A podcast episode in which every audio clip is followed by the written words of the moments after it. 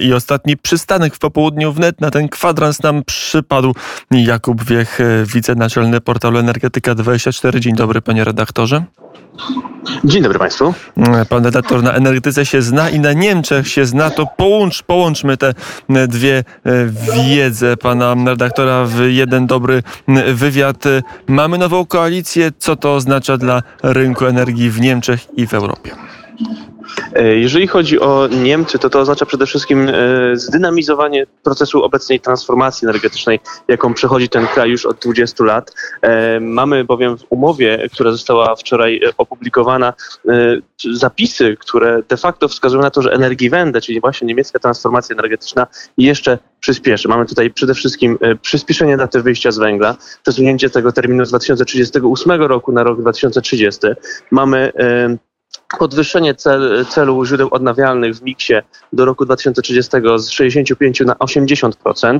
E, mamy też e, wskazanie e, o zwiększeniu potencjału rolnictwa ekologicznego. Mamy też informacje na temat kontynuacji wychodzenia Niemiec z energetyki jądrowej. Także jest tam sporo informacji, które wskazują na to, że obecna koalicja tworząca rząd w Niemczech będzie przyspieszać transformację energetyczną będzie napędzać jej e, e, tok właśnie w kierunku zdynamizowania. No, dla Niemców jest to pewnego rodzaju wymiar kontynuacji ambicji, jakie mają w kwestii przewodzenia Unii Europejskiej e, właśnie w tym, e, na tej drodze do nisko e, i zeroemisyjności.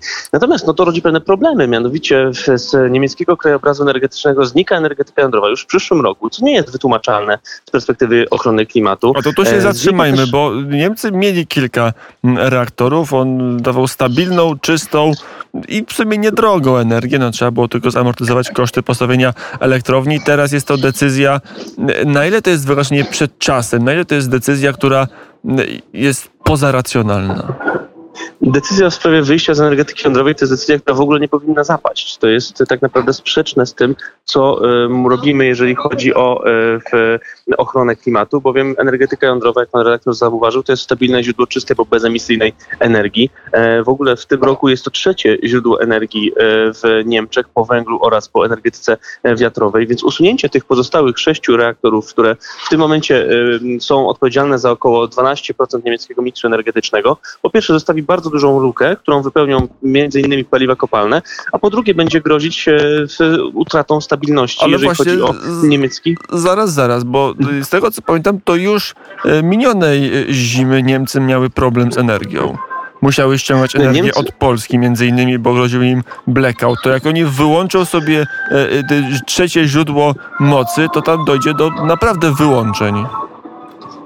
Niemcy mieli problem bardzo poważny w czerwcu 2019 roku, kiedy to operatorzy systemów przesyłowych zwrócili e, uwagę na e, fakt, iż niemiecki system trzykrotnie zbliżył się do e, blackoutu. No i teraz po usunięciu z tego systemu stabilnych mocy, podkreślę, trzeciego źródła energii elektrycznej, jeżeli chodzi o wyprodukowane kilowatogodziny, no stoimy przed pewnym znakiem zapytania. To znaczy wiemy, że źródła odnawialne, na których Niemcy chcą tak mocno opierać swoją energetykę, są niestabilne, są przewidywalne, ale niekontrolowalne.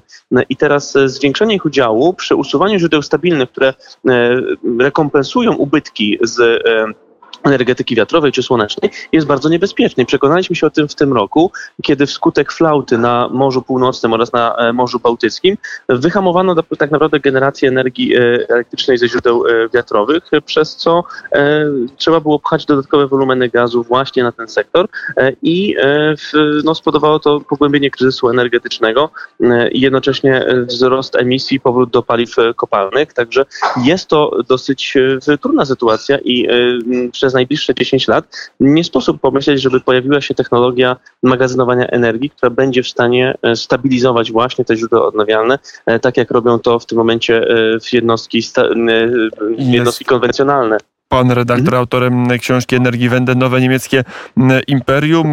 Tam jest wyjaśnione, po co Niemcom jest gaz, ale, ale ja dalej nie rozumiem, po co Niemcom włączać atom. Czy tam jest w tym szaleństwie jakaś metoda? Możemy znaleźć jakieś racjonalne, może ukryte, może gdzieś między wierszami schowane, ale jednak uzasadnienie tej decyzji?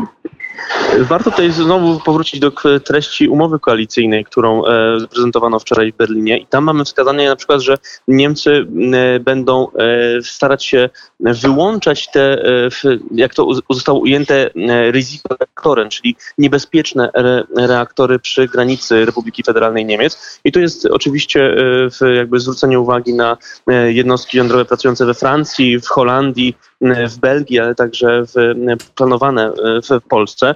Niemcy boją się atomu, e, mówię tutaj o społeczeństwie, natomiast niemieckie państwo wykorzystuje ten strach do budowania antyjądrowej polityki, którą rozlewa na Unię Europejską e, i którą e, realizuje chociażby walcząc za to w tak zwanej taksonomii, czyli agendzie inwestycyjnej Unii Europejskiej. Natomiast Niemcy robią to po to, żeby zwiększać e, miejsce na rynku do handlu gazem ziemnym, bowiem jest to kraj, gdzie wychodzą na brzeg nitki gazociągów Nord Stream, Nord Stream 2 i dają tym samym Niemcom ogromny wolumen gazu na sprzedaż. To jest około łącznie 110 miliardów metrów tylko rosyjskiego gazu tłoczonego przez ten północne gazociągi biegnące pod nie Bałtyku, a Niemcy jeszcze przed uruchomieniem gazociągu Nord Stream 2, który jest w tym momencie w procesie certyfikacji, handlowały wolumenem około 30 miliardów metrów sześciennych gazu rocznie. To jest około dwa razy więcej niż Polska konsumuje e, przez, e, przez rok, więc e, to jest bardzo duży już teraz sprzedawca gazu, który tylko zwiększy swoje możliwości. Energetyka jądrowa staje naprzeciw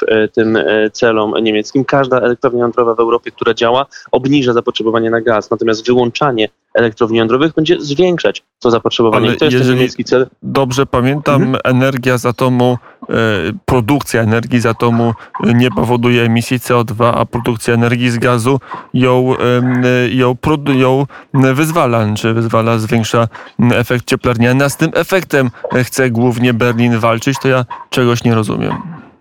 E, no tutaj nie pan, nie pan e, jeden, panie redaktorze, nie rozumie tego z perspektywy klimatycznej. To jest kwestia hipokryzji i niemiecka transformacja energetyczna nie kładzie sobie na e, pierwszym miejscu ochrony klimatu, tylko ochronę niemieckich interesów w Europie i ty, w tym tkwi jej sprzeczność, jeżeli chodzi o perspektywę wyhamowywania globalnego ocieplenia. Natomiast no, tutaj powstał już pewien blok państw, które sprzeciwiają się niemieckim planom w tym zakresie. Jest to między innymi Francja, ale też Polska, a także Czechy, Słowacja, e, Rumunia, kraje, które rozwijają swoją energetykę jądrową.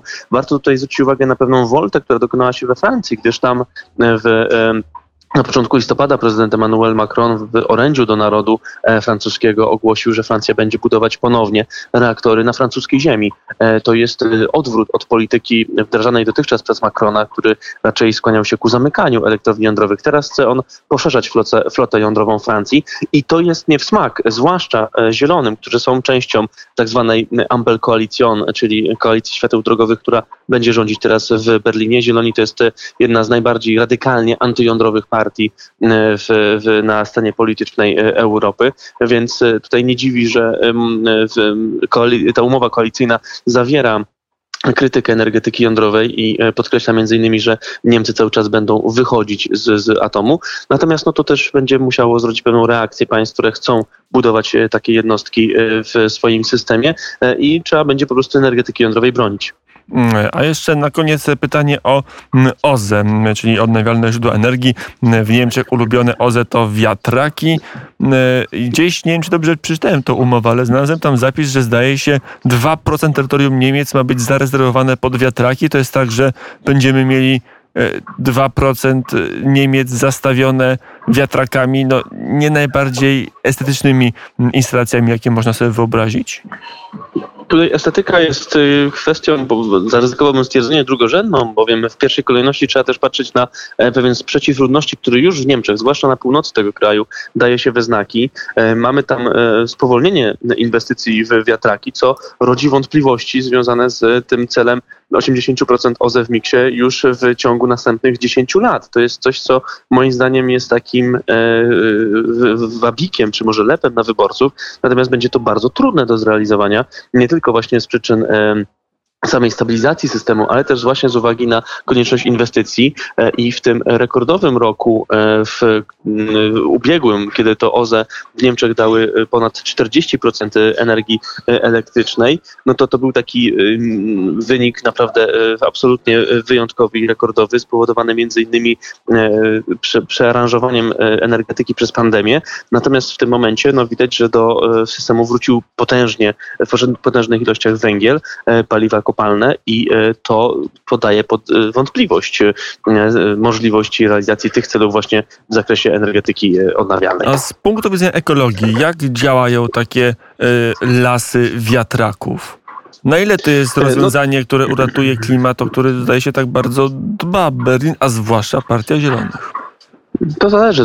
OZE to jest e, coś, co powinno być dopełnieniem miksu opartego na energetyce e, jądrowej. Jeżeli chodzi o ekologię, tutaj warto zwrócić uwagę przede wszystkim na mm, e, wpływ wiatraków na mm, gatunki zwierząt oraz zwierząt, które są zagrożone. To znaczy na przykład ptaki czy owady, które są zagrożone wyginięciem. Jeżeli będą ginąć w zdarzeniu z łopatami wiatraków, tak tak się zdarza, no to tutaj możemy mieć pewien problem z, z, z tymi urządzeniami. A kolejne modne, energetyka... modne pojęcie ślad węglowy. Znaczy, jaki jest ślad węglowy, żeby wyprodukować taki wielki wiatrak i co się z tym wielkim wiatrakiem dzieje na przykład po dwóch dekadach jego działania? E, oczywiście tutaj ślad węglowy został wkomponowany e, w obliczenie śladu węglowego produkcji wiatraka zostało wkomponowane w ich w takie dane dotyczące emisyjności. One jest niewielkie, e, więc tutaj nie można powiedzieć, że to są źródła emisyjne, jak to zostało czasami bywa przedstawiane. Ten ślad węglowy wiatraków jest porównywalny ze śladem węglowym energetyki jądrowej, która przecież nie emituje emisji podczas swojej pracy, tylko w, właśnie w, liczy się tutaj ślad węglowy tylko jak się zobaczy, produkcji i jak się składuje to, co wychodzi z elektrowni jądrowej. To są małe powierzchnie e, zamkniętych prętów e, w skrzyniach. Jak się popatrzy na cmentarzyska e, turbin wiatrowych, to są to wielkie pola, czy trzeba robić wielki wykop i potem zakopywać te łopaty, bo nie da się z tym nic więcej zrobić.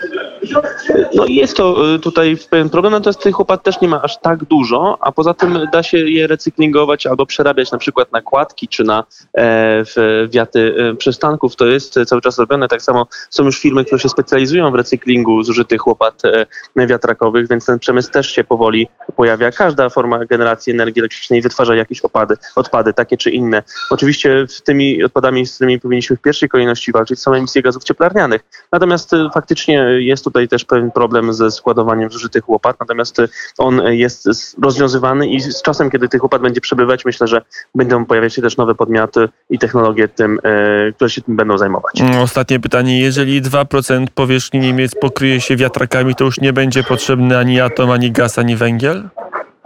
E, będzie potrzebny tak długo, jak nie będziemy mieć e, form magazynowania energii umożliwiających stabilizowanie systemu e, opartego wyłącznie na źródłach odnawialnych. Powiedział Jakub Wiech, wicenaczelny Energetyki 24. Ostatnim zdaniem, jak pan ocenia plany energetyczne nowego rządu w Niemczech? ambitne, ale to ambicja na pokaz. Powiedział Jakub Wiech. Dziękuję bardzo za rozmowę. Dziękuję.